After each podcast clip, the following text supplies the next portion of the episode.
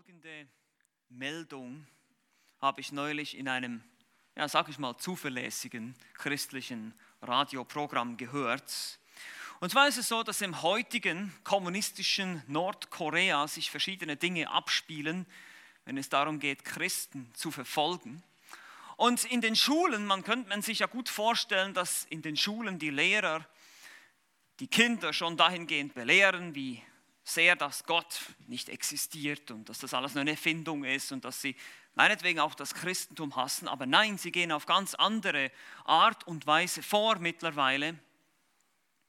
Und zwar sagt der Lehrer den Kindern, ich möchte euch ein kleines Spiel vorschlagen. Ich gebe euch heute keine Hausaufgaben, ihr kriegt nur eine Aufgabe. Ihr geht nach Hause, in euer Haus, in euer Zuhause, in eure Wohnung, zu euren Eltern und sucht da nach einem Buch. Dieses Buch ist meistens schwarz, vielleicht ist es ein Lederband. Und dieses schwarze Buch, wenn ihr das gefunden habt, dann bringt ihr es zurück in die Schule und als Belohnung bekommt ihr einen roten Schal. Und die Kinder, die nach Hause gehen, dieses schwarze Buch suchen und finden und ganz begeistert zurück in die Schule bringen und dann ihren roten Schal bekommen. Wenn sie nach Hause gehen, um ihren Eltern ganz begeistert diesen Schal zu zeigen, sind die Eltern schon nicht mehr da, sind abgeführt worden, verhaftet worden. Das ist so weit, wie die Verdorbenheit gehen kann, auch in solchen Ländern, wo Christen verfolgt werden. Verfolgung von Christen ist eine Realität, die uns hier in Europa noch nicht so bekannt ist. Weltweit werden viele oder so viele Christen verfolgt wie noch nie zuvor. Es sind ungefähr, gemäß dem Weltverfolgungsindex auf opendoors.de, werden zurzeit weltweit mehr als 200 Millionen Christen verfolgt. Länder wie eben Nordkorea oder Vietnam, aber auch andere wie Afghanistan, Pakistan, Irak, Libyen aber auch Indien, Nigeria, Usbekistan und viele mehr sind auf einer Liste und sind da ziemlich weit oben, wenn es darum geht, wie stark die Verfolgung ist in diesen Ländern. Und für uns stellt sich natürlich die Frage, wie reagieren wir auf dieses Unrecht, auf solches Unrecht? Nun, es gibt Organisationen wie eben beispielsweise Open Doors, die man unterstützen kann oder wir können und sollen öfters für unsere Geschwister beten, die Verfolgung leiden. Aber ich meine grundsätzlich, wie reagieren wir? Wie reagiere ich, wenn es mich eines Tages trifft? Und die Bibel sagt ganz deutlich, tut das Gute denen, die euch hassen. Betet für sie, liebt sie. Wie paradox. Und so etwas kann nur der Heilige Geist in dir und in mir bewirken. Unser Predigtext heute sagt deshalb auch, die Liebe erduldet alles. Alles. Egal wie schlimm, egal wie grausam, egal wie brutal, die Liebe gibt nicht auf. Wir erinnern uns an unsere Problemgemeinde in Korinth. Paulus schreibt seinen Brief an diese Gemeinde, die voller Probleme ist. Und wir befinden uns immer noch in unserem Studium der Vollkommenheiten der Liebe in 1. Korinther 13 und heute werden wir dieses Studium beenden. Wir kommen heute zur 15. Vollkommenheit der Liebe. Warum wurde das geschrieben? Nun, Paulus hat diesen Abschnitt geschrieben, um dieser Gemeinde einen Spiegel vorzuhalten, um ihnen zu helfen, zu zeigen, wie lieblos sie waren. Weil das war die Wurzel all ihrer Probleme, all ihrer Parteiungen und, und Streitereien über Weisheit und Philosophie und was da nicht alles war, auch welchem Redner oder welchem Apostel sie jetzt mehr anhangen sollten, ob Paulus oder Apollos oder Petrus der bessere Philosophe war, all diese Streitigkeiten, aber auch die ganze Unmoral, die stattgefunden hat, Sünde, die nicht korrigiert wurde und vieles mehr, Arme, die benachteiligt wurden beim Mahl des Herrn, beim Festmahl, das war damals ja ein Liebesmahl, eine ganze Mahlzeit. Und so auch beim Umgang mit Geistesgaben. In diesem Abschnitt hier in Kapitel 12 bis 14 im ersten Korintherbrief geht es um den richtigen Umgang mit Geistesgaben. Und wir könnten auch sagen, um den richtigen Umgang überhaupt im Dienst aneinander, miteinander. Das ist der Kontext hier, das ist der Zusammenhang, in den Paulus schreibt. Wie dienen wir einander mit den Gaben, die Gott uns gegeben hat? Nicht auf eine selbstsüchtige Art und Weise, nicht in der Art und Weise, dass ich mich selber hier aufs Podest stelle und sage, seht mal, wie toll ich bin, sondern mit einer Gabe, die anderen dient und anderen hilft. Das ist die Liebe. Die Liebe kann man so definieren, dass man sagt, die Liebe hat immer das Wohl des Nächsten im Sinn. Die Liebe hat immer das Wohl des, es geht nicht um mich, es geht nicht um meine Bequemlichkeit, um was ich möchte und was ich alles erreichen will und Hauptsache mir geht es gut, sondern es geht darum, Hauptsache dem anderen geht es gut. Hauptsache der andere kommt voran. Hauptsache der andere hat, nicht ich. Und ihr seht schon, wie das gegen unsere inneren, unseren fleischlichen Gesinnung geht, unsere fleischliche Begierde. Aber genau das, genau davon schreibt Paulus hier in diesem Abschnitt in 1. Korinther 13 in Versen 4 bis 7. Sie hatten viele Probleme und wie schon gesagt, Lieblosigkeit, Egoismus, Selbstsucht ist die Wurzel von all dem. Und so mussten die Korinther und auch wir heute lernen, dass Liebe vor Problemen nicht davonläuft. Ja, man, es ist immer einfach auszuweichen und das irgendwie zu übertünchen und sagen, naja, lass uns nicht weiter darüber diskutieren, sondern Liebe erduldet alles, sie bleibt dran, könnten wir auch sagen. Wie gesagt, wir haben 14 der insgesamt 15 Vollkommenheiten zusammen angeschaut und heute schauen wir uns eigentlich im Prinzip so, könnte man sagen, das grande Finale an. Da, wo es noch einmal so richtig schön ins Eingemachte geht, was mal so richtig schön uns in der Magengegend trifft, weil wir merken, wie selbstsüchtig wir immer noch sind. Wenn es darum geht, Leiden, Widerstand, Feinde zu lieben. Das ist eine Herausforderung. Es ist das Ertragen von Feindschaft, Widerstand und eben auch Verfolgung. Eine Erfahrung, die einige von uns noch nicht kennen. Einige haben es vielleicht schon erlebt, in einem kleineren Level, in kleineren Art und Weise.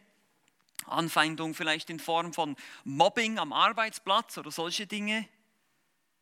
Und die Liebe sagt, du musst weitermachen. Wir lesen 1. Korinther 13, die Verse 4 bis 7. Nochmal durch. Der Predigtext. Die Liebe ist langmütig sie ist gütig.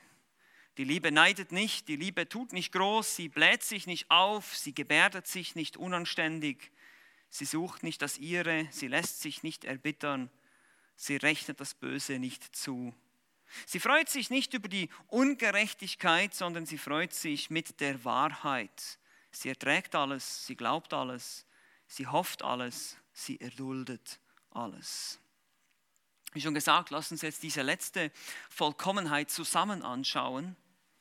Und zunächst haben wir wieder den Ausdruck alles hier. Alles wird betont im griechischen Text. Alles erduldet sie. Es gibt kein Limit, keine Grenze. Das ist die Idee hier. Man könnte auch sagen, immer erduldet sie oder sie erduldet immer, ist die Idee. Und dann haben wir das Verb erdulden. Wir haben schon gesehen, als wir Vers 7 angefangen haben, sie erträgt alles, ist nicht dasselbe wie sie erduldet alles. Erträgt alles, ganz am Anfang von Vers 7 muss man eher so übersetzen, sie deckt alles zu. Sie versucht die Fehler und Macken und ja auch Sünden anderer nicht breit zu treten in der Öffentlichkeit, sondern eher zuzudecken, soweit es geht, diskret zu behandeln, schonend zu sein, in einen Mantel hüllen. Das ist diese Idee gewesen. Und hier beim Erdulden geht es jetzt um etwas anderes. Dieses Wort Hupomeno bedeutet so viel wie drunter bleiben. Wörtlich standhaft sein, drunter bleiben, standhalten, eben im Leid, im Widerstand, in Anfeindung. Und die Liebe tut das dauernd und aktiv. Sie hört nicht auf damit, das wird auch durch die Verbform einmal mehr deutlich gemacht. Und in gewissen Fällen heißt oder bedeutet dieses Verb auch tatsächlich an einem Ort zurückbleiben, zum Beispiel in Apostelgeschichte 17.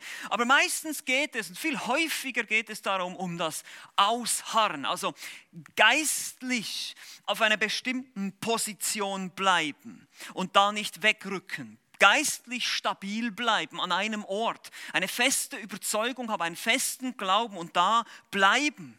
Egal was kommt, egal wie viel das es kostet, man bleibt dabei. Das ist die Idee. Jesus sagt in Matthäus 24, Vers 13, wer aber ausharrt bis ans Ende, so wird es da übersetzt, ausharren. Oder auch Jakobus 5 heißt es, siehe, wir preisen die glückselig, welche standhaft ausharren. Das ist dasselbe Verb. Römer 12, Vers 12, in Bedrängnis haltet stand. Dasselbe Verb. Es wird ein bisschen unterschiedlich übersetzt, aber es ist immer Hypomeno. Und dieses Wort ist eigentlich ein militärischer Begriff. Es beschreibt eine Armee, die ihre Position sozusagen bis zum letzten Blutstropfen verteidigt, die, die Brücke, den Brückenkopf oder was immer sie, die Burg oder die Festung, die sie verteidigt, nicht aufgibt. Es wird immer wieder verwendet für Menschen, die Leid ertragen und das geduldig und liebevoll. Es wird benutzt, wenn jemand Schläge erträgt, 1. Petrus 2, Vers 20. Oder Anfechtungen, in Anfechtungen standhaft bleibt, in Jakobus 1, Vers 12. Christus selbst wird beschrieben, der das Kreuz erduldete, in Hebräer 12, Vers 2 und 3. Oder Kinder, die Züchtigung erdulden in Hebräer 12, Vers 7 und Leiden und Kampf erdulden in Hebräer 10. Also wir sehen das immer wieder. Dieses Drunterbleiben, dieses Dranbleiben hat sehr viel mit Widerstand zu tun. Es geht darum, etwas auszuhalten und geduldig zu ertragen und dabei trotzdem liebevoll zu sein und zu bleiben. Das ist ja die Herausforderung. Wir neigen dazu, wenn wir angefeindet oder, oder schlecht behandelt werden, dann neigen wir natürlich dazu, zurückzuschlagen. Aber genau das sollen wir nicht tun. Genauso auch hier in 1. Korinther 13, Vers 7 hat es diese Bedeutung. Liebe deckt nicht nur Sünden und Macken zu und vertraut immer und hofft immer das Beste. Sie ist nicht müde zu kriegen in all diesen Dingen und deshalb bleibt sie auch standhaft, selbst wenn es zur Anfeindung kommt. Man könnte sagen, Liebe hat Ausdauer, besonders im Leid. Sie läuft nicht vor Problemen und Widerständen davon, sondern bleibt drunter, sie bleibt dran und sie haltet durch, wie ein tapferer Soldat, der die Frontlinie verteidigt. Und das ist wichtig zu verstehen hier. Es geht nicht einfach nur um die Macken und Probleme und Schwierigkeiten anderer, die mich, die mich vielleicht auch, die mir auf die Nerven gehen oder keine Ahnung oder Ausrutscher von anderen, sondern dieses Verb, und ich habe euch das schon demonstriert, hat, wird oft in einem Kontext von aggressivem Widerstand verwendet. Durchhalten in schwerem und schrecklichen Widerstand, Verfolgung, Schläge, Folter, wie Jesu eigene Leiden oder die Leiden der Märtyrer. Nun, wie sieht das nun ganz praktisch aus und konkret für uns? Wie, wie können wir lernen und wachsen in einer Liebe, die so dran bleibt? Wie, wie können wir sie charakterisieren? Wie können wir sie beschreiben? Lasst mich euch vier Eigenschaften geben heute. Vier Eigenschaften der Liebe, die dran bleibt. Vier Eigenschaften. Das erste, was diese Liebe charakterisiert, ist eine Liebe, die dran bleibt, die lebt nicht für die Gegenwart. Das ist die erste Eigenschaft. Und wenn, wenn du kein Christ bist und keine Hoffnung hast, eine feste Hoffnung, haben wir letztes Mal gelernt, eine feste Zuversicht auf ein Leben nach dem Tod, dann kannst du eine solche Liebe unmöglich leben. Christus lehrt seine Jünger in Matthäus Kapitel 10 über die Perspektive, die sie haben sollen, um eine solche Art von Liebe ausleben zu können. In Kapitel 10 in Matthäus Evangelium, den Versen 17 bis 18, sagt er ihnen Leiden voraus. Er sagt, ihr werdet vor Gerichte geführt werden, ihr werdet ausgepeitscht werden in Synagogen, und er tröstet sie wiederum, dass Gott ihnen Kraft geben wird und Weisheit. Er wird ihnen die richtigen Worte in den Mund legen in dem Moment, wo sie sich verteidigen sollen. den Versen 19 bis 20. Aber das ist noch nicht alles. Das Wichtigste kommt eben in Vers 22 in Matthäus Kapitel 10, wo auch wiederum unser Verb hier, hubomeno, verwendet wird. Das heißt hier, und ihr werdet von jedermann gehasst sein um meines Namens willen, wer aber ausharrt bis ans Ende, der wird gerettet werden. Bis ans Ende. Das ist die Perspektive hier, die er gibt. Bis ans Ende. Bis diese Zeit hier vorbei ist. Wir haben letztes Mal schon gelernt, wenn wir in der Hoffnung leben, diese Hoffnung basiert darauf, dass das alles mal ein Ende hat hier und dass wir auch auf das Ende schauen, auf die zukünftige Herrlichkeit. Und genauso ist es auch beim Durchhalten oder beim Dranbleiben. Man kann nur dranbleiben, wenn man weiß, das hat irgendeinmal ein Ende. Und genauso ist es. Diese Perspektive, am Ende wartet das Paradies, der Himmel, die ewige Freude. Die Frage ist, jetzt schon, wo ich nicht unter Druck bin und nicht verfolgt werde, lebe ich jetzt schon für dieses Paradies? Lebe ich jetzt schon für diese Ewigkeit, für Dinge, die in dieser Ewigkeit Bestand haben werden? Oder lebe ich eben im Moment immer noch so ein irdisches Leben, ein Leben, das auf diese Dinge hier, auf dieser Welt ausgerichtet ist? Dann wird es schwierig sein, in Liebe standzuhalten. Ein wahrer Christ ist jemand, der seinen eigenen Wünschen und Träumen ja, seinem eigenen Leben letztlich gute Nacht gesagt hat. Es interessiert mich nicht mehr.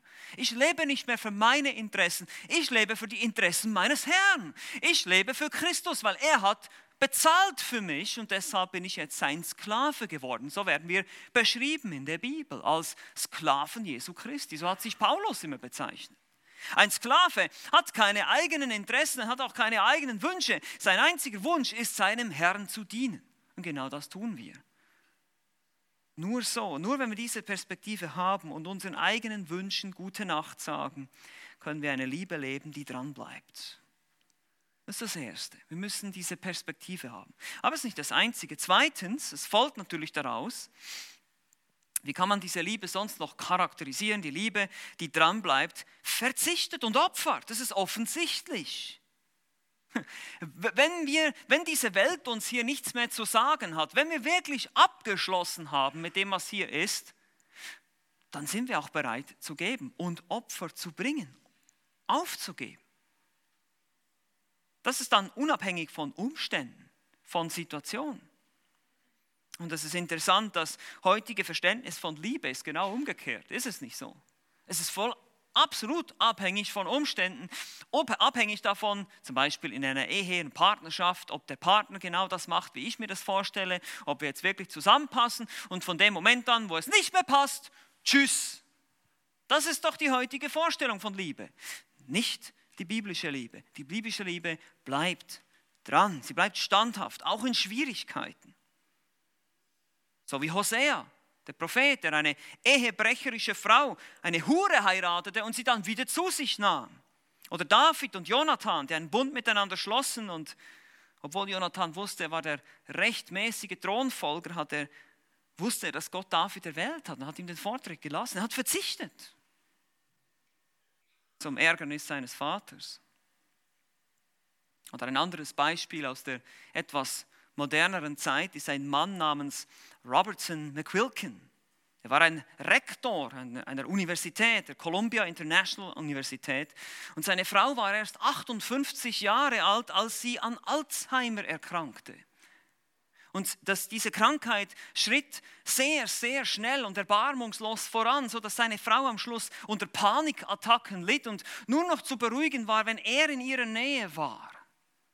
Und so hat er seine ganze Karriere aufgegeben, seinen Posten als Rektor, seine Radiosendung einfach nur, um seine kranke Frau zu pflegen. Und er hat diese Pflege Gottesdienst genannt. Liebe, die dranbleibt und nicht aufgibt, wird uns definitiv etwas kosten. Das ist einfach so. Es geht nicht ohne Opfer. Wir sehen es bei Christus. Es ging nicht ohne Opfer. Es ging nicht ohne Blutvergießen, die Vergebung, die Liebe und was, was gibt uns die Illusion, dass es bei uns anders sein wird? Was, was gibt uns die, die Vorstellung, wir können Christen sein und es wird uns einfach absolut nichts kosten? Woher kommt diese Idee? Im Gegenteil, teilweise kommt die Idee sogar noch, dass, dass wir reich werden und gesund werden. So ein Unsinn. Es wird uns etwas kosten, hat Christus gesagt. Und das kann uns unser Leben kosten, es kann uns unsere Bequemlichkeit kosten, vielleicht kostet es uns auch unseren Job, was weiß ich, aber es wird dich etwas kosten zu lieben. Wir müssen uns hier nichts einbilden. Freiheit, Luxus, Bequemlichkeit, all diese Dinge. Und die Frage ist, wenn es dazu kommt, hält deine Liebe stand? Hält sie stand? Halte ich stand? Und deshalb drittens, Liebe, die dranbleibt, ist bereit zu leiden. Das ist ganz klar, das folgt daraus. Sie ist bereit zu opfern.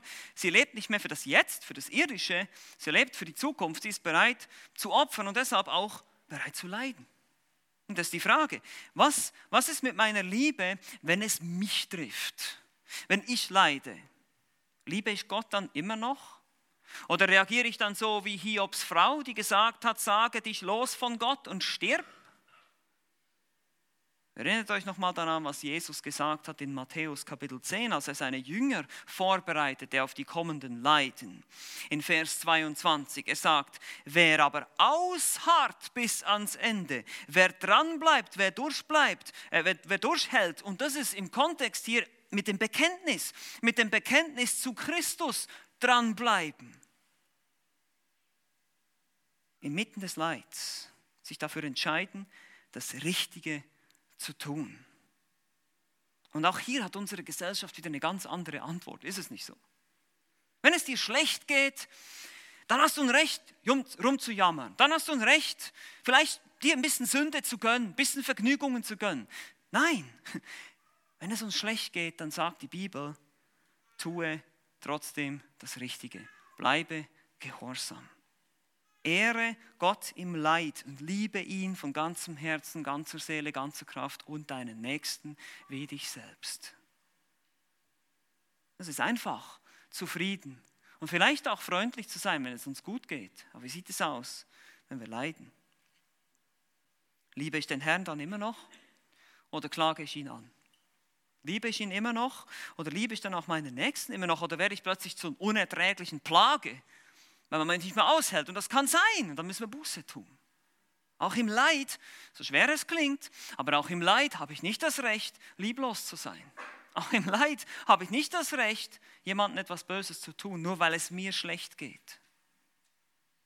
Und deshalb, weil das so ist, weil die Liebe, die dran bleibt und Ausdauer hat, eben nicht für das Jetzt lebt und opfert und bereit ist zu leiden, heißt es auch hier, Viertens, Liebe, die dranbleibt, ist bereit zu sterben.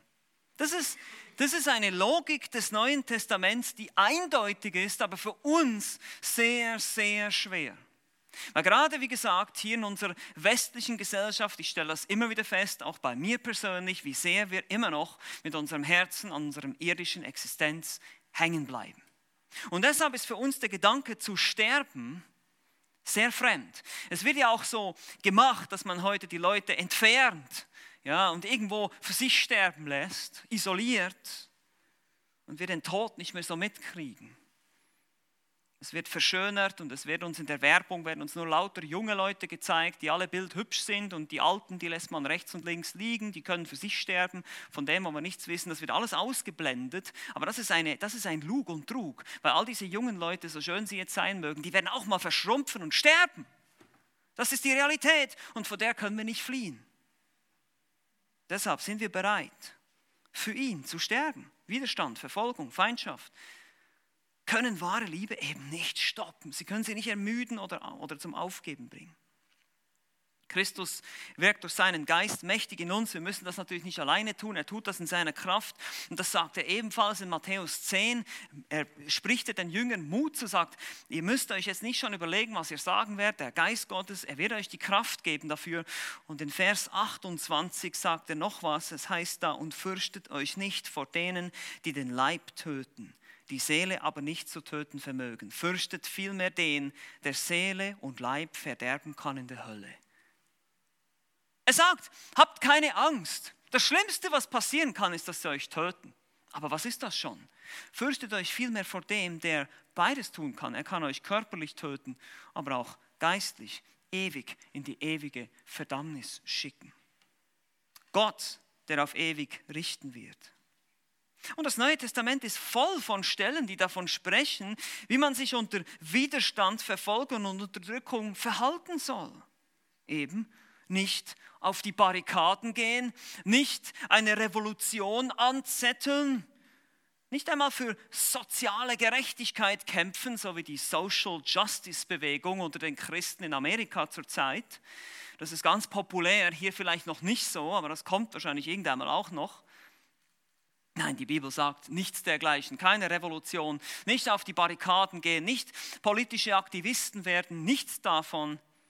Wenn es Unterdrückung gibt, wenn es Leid gibt, wenn es Widerstand gibt, wenn es Feindschaft, ja, wenn es Verfolgung gibt, gibt uns die Bibel den Rat, liebt. Jakobus 5, die Verse 7 bis 11, ich lese sie uns vor.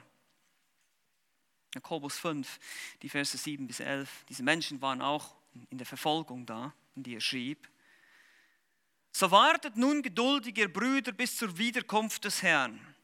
Siehe, der Landmann wartet auf die köstliche Frucht der Erde und geduldet sich ihretwegen, bis sie den Früh- und Spätregen empfangen hat. So wartet auch ihr geduldig, stärkt eure Herzen, wenn die Wiederkunft des Herrn, denn die Wiederkunft des Herrn ist nahe. Seufzt nicht gegeneinander, Brüder, damit ihr nicht verurteilt werdet. Siehe, der Richter steht vor der Tür. Meine Brüder, nehmt auch die Propheten, die im Namen des Herrn geredet haben, zum Vorbild des Leidens und der Geduld. Siehe, wie preisen, wir preisen die glückselig, welche standhaft ausharren. Hier wiederum das unser Verb. Von Hiobs standhaftem Ausharren habt ihr gehört und ihr habt das Ende gesehen, das der Herr für ihn bereitet hat. Denn der Herr ist voll Mitleid und Erbarmen. Seht ihr diese Perspektive auf das Kommende? nicht für das Jetzt. Wir warten geduldig auf die Wiederkunft des Herrn. Wir seufzen nicht gegeneinander, wir jammern nicht drum und wir nehmen uns die Propheten und Hiob zum Vorbild des Leids. Hier haben wir die Worte standhaft ausharren. Liebe, die dranbleibt, die trotzdem weitermacht. Und dazu kann ich euch noch viel mehr Stellen heranziehen. Jesus in Matthäus 5,44 sagt, liebt eure Feinde, segnet die euch fluchen, tut wohl denen, die euch hassen und bittet für die, welche euch beleidigen und verfolgen. Petrus schreibt, 1. Petrus 3, Vers 9, vergeltet nicht Böses mit Bösem oder Schmähung mit Schmähung, sondern im Gegenteil segnet, weil ihr wisst, dass ihr dazu berufen seid, Segen zu erben. Paulus schreibt in Römer Kapitel 12, vergeltet niemand Böses mit Bösem. Wenn nun dein Feind Hunger hat, so gib ihm zu essen. Wenn er Durst hat, dann gib ihm zu trinken. Wenn du das tust, wirst du feurige Kohlen auf sein Haupt sammeln. Lass dich nicht vom Bösen überwinden, sondern überwinde das Böse mit Gutem. Und so können wir die Liste fortsetzen. Es ist eindeutig. Aber wie schwer ist das? Es ist sehr schwer. Weil unsere natürliche Neigung, wie schon gesagt, ist, ist genau das Gegenteil. Selbstverteidigung, Rache, mit gleicher Münze heimzahlen. Das ist das, was wir kennen, was uns bekannt ist. Und diese Liebe, die wir hier sehen in Christus, die ist uns völlig fremd. Aber wir haben sie alle erfahren, oder nicht? In Christus. Denn er hat uns geliebt, die wir seine Feinde waren. Und deshalb sollen wir Christen genauso sein. Wir sollen eine Liebe haben, die dran bleibt, die ausdauernd ist, die drunter bleibt, selbst wenn es zum Widerstand, zur Verfolgung, zur Anfeindung kommt. Sie deckt weiter zu, sie hofft weiter, sie glaubt weiter. Es ist nicht zu ermüden, diese Liebe.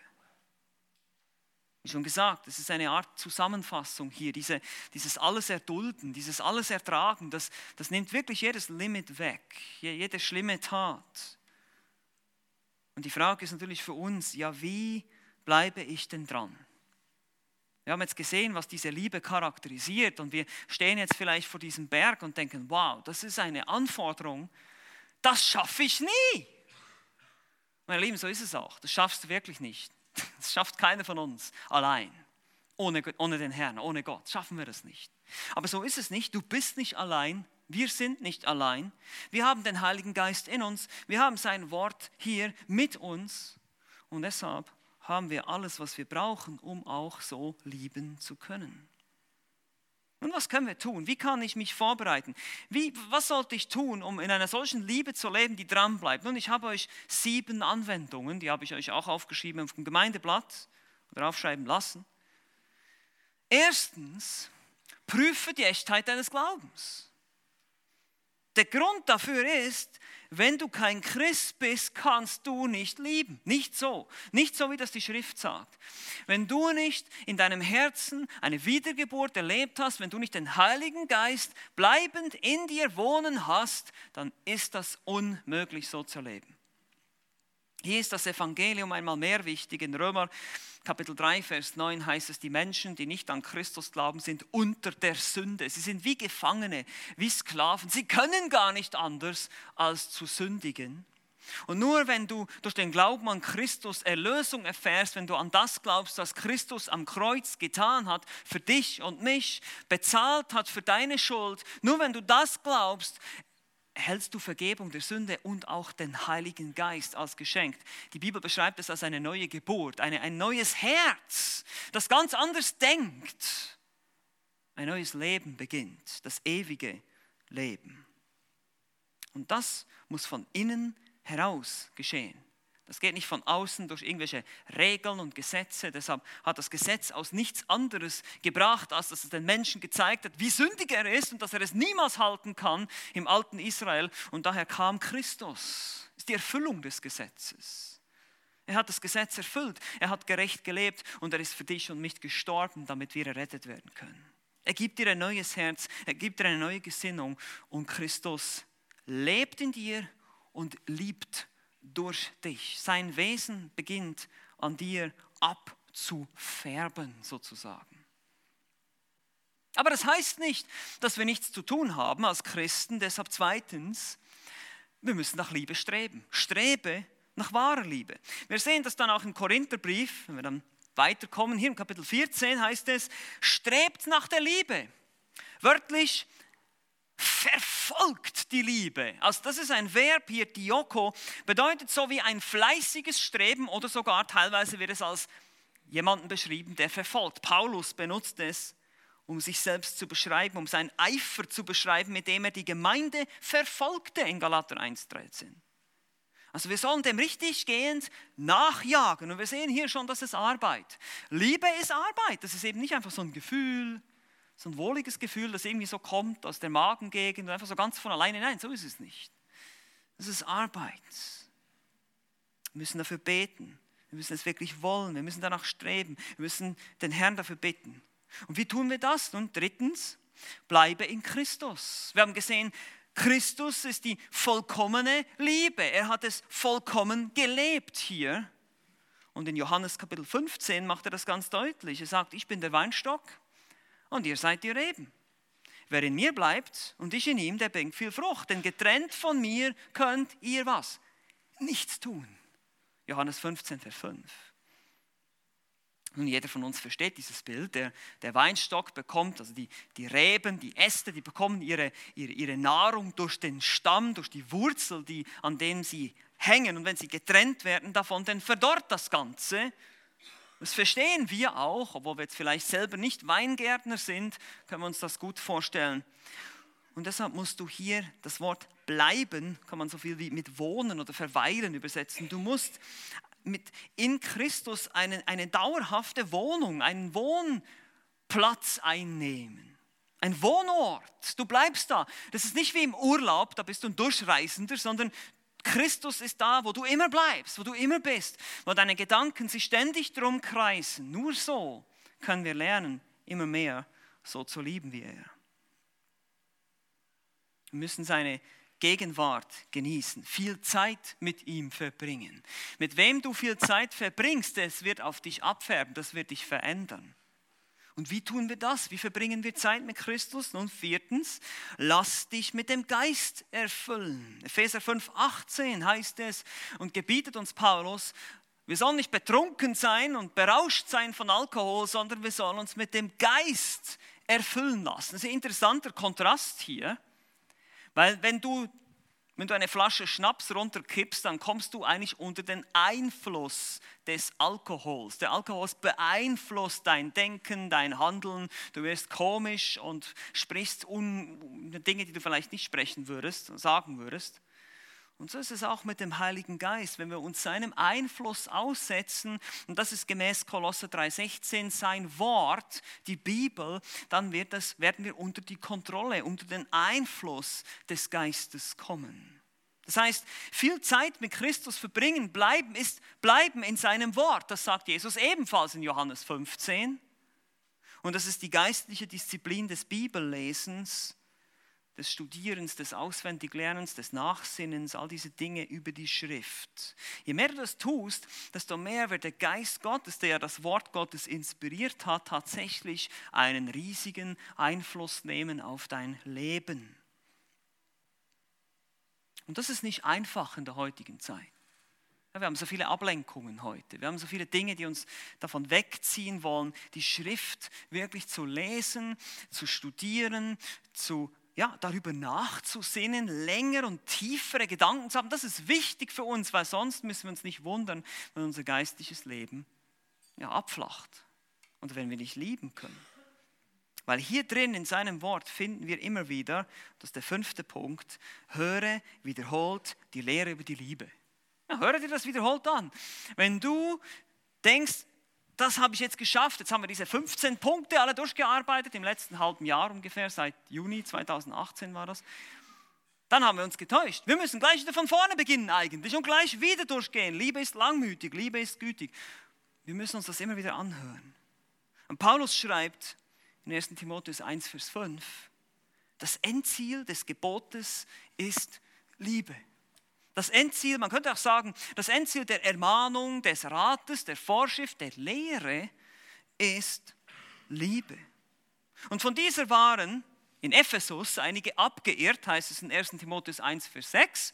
Und Timotheus sollte das wieder in Ordnung bringen. Er sollte die Leute wieder zurück auf den Weg der Liebe holen. Und das sollte er tun, indem er was tat? Lehren. Er musste lehren. Das Ziel der Lehre ist die Liebe. Natürlich durch Lehren. Es heißt in 1 Timotheus 4, Vers 6, wenn du dies den Brüdern vor Augen stellst, wirst du ein guter Diener Jesu Christi sein, der sich nährt mit den Worten des Glaubens und der guten Lehre, der du nachgefolgt bist. Du musst es ihnen vorstellen, du musst es immer ihnen wieder vor Augen stellen. Sie müssen es immer und immer wieder hören. Und genauso müssen wir das auch tun. Deshalb ist auch die Gemeinschaft in der Gemeinde so wichtig, das Hören auf das Wort Gottes, was wir hier jeden Sonntag tun, was wir auch in den Hauskreisen tun. Höre dir das immer wieder an, weil denke daran, das Endziel all dessen, was wir hier lernen, ist letztlich immer wieder die Liebe. Es steuert immer wieder darauf hinzu, diese Eigenschaften Jesu Christi, dass die in deinem Leben Realität werden.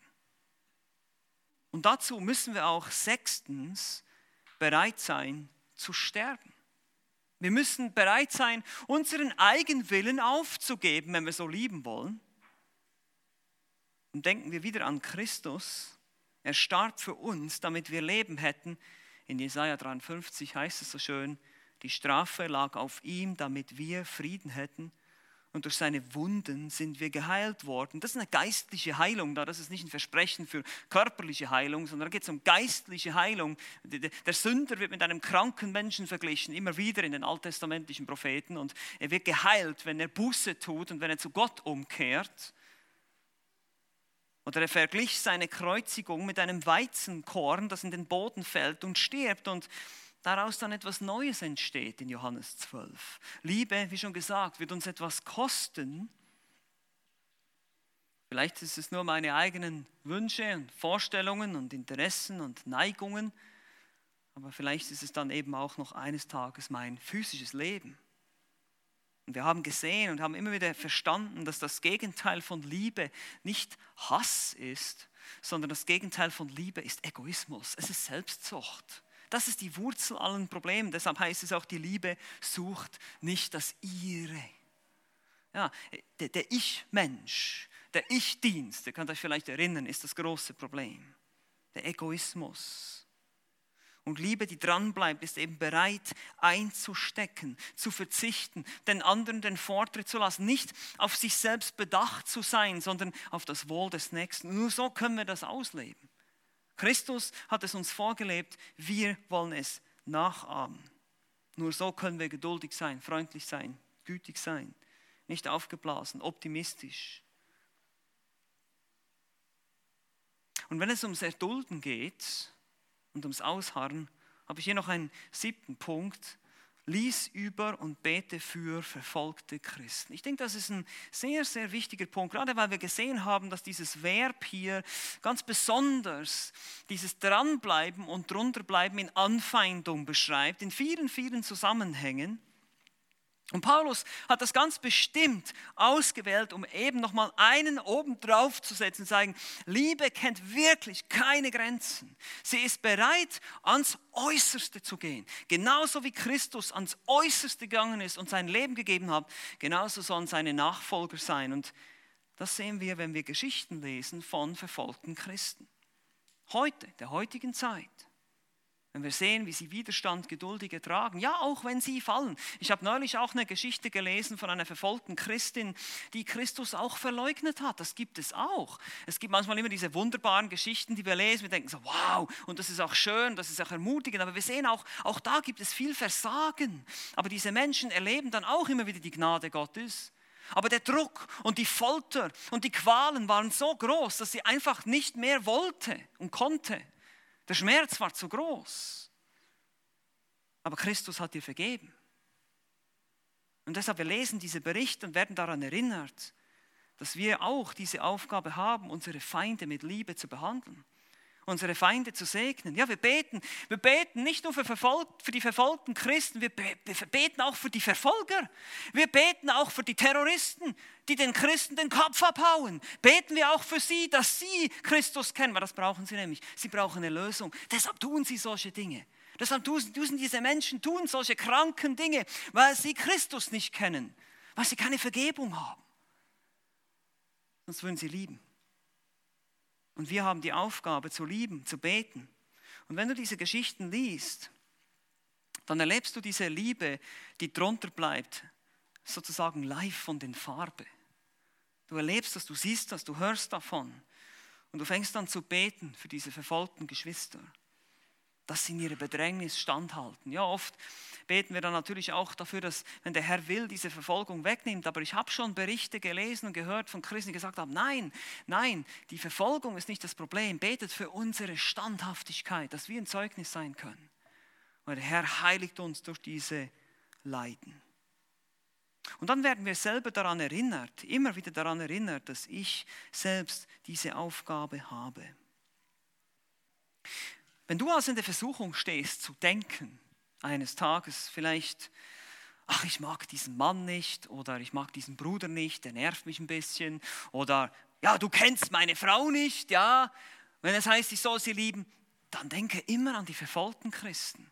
Und denke immer an die Leute, die ihre Feinde lieben sollen und für die Feinde beten und den Feinden Gutes tun sollen. Bist du, bin ich, sind wir schon so weit gegangen? Mussten wir das schon tun? Nein, noch nicht. Also haben wir noch nicht genug geliebt. Und das sollen wir bedenken. Das sollen wir bedenken, auch in der Gemeinde. Das hilft uns, einfach die richtige Einstellung, das richtige Denken zu haben. Du kannst lieben und du sollst lieben. Und wenn du dir überlegst, wie sehr Christus dich und mich, wie sehr er uns geliebt hat, obwohl nichts, wirklich gar nichts Liebenswertes an uns ist und dass wir wirklich seine Feinde sind. Du bist nicht nur ein, ein armer, verlorener Sünder, du bist ein Feind Gottes. Du hast Gott ins Angesicht gespuckt. Du hast in Rebellion dich gegen ihn erhoben in deiner Sünde, in deinem Egoismus. Das ist unsere Natur. Und das, das hat Gott geliebt, so etwas. Das muss uns zum Nachdenken bringen. Und deshalb, wenn ich einen, jemanden habe, und das ist genau die Situation, wenn jemand mich anfeindet, dann muss ich sagen, Gott, du hast mich so geliebt, also bitte hilf mir in meiner Schwachheit, ich weiß, dass ich das nicht alleine kann, für diese Person jetzt zu beten und diese Person ebenfalls zu lieben. Und vielleicht werden wir eines Tages noch diese ultimative Prüfung vor uns haben, wir wissen es nicht, es trifft nicht auf jeden zu dass wir sogar einen Menschen lieben sollen, der uns hasst und uns vielleicht tötet. Aber die Frage, die wir uns immer wieder stellen müssen, ist, wie sieht es dann mit meiner Liebe aus? Der Herr möge uns dabei helfen. Lasst uns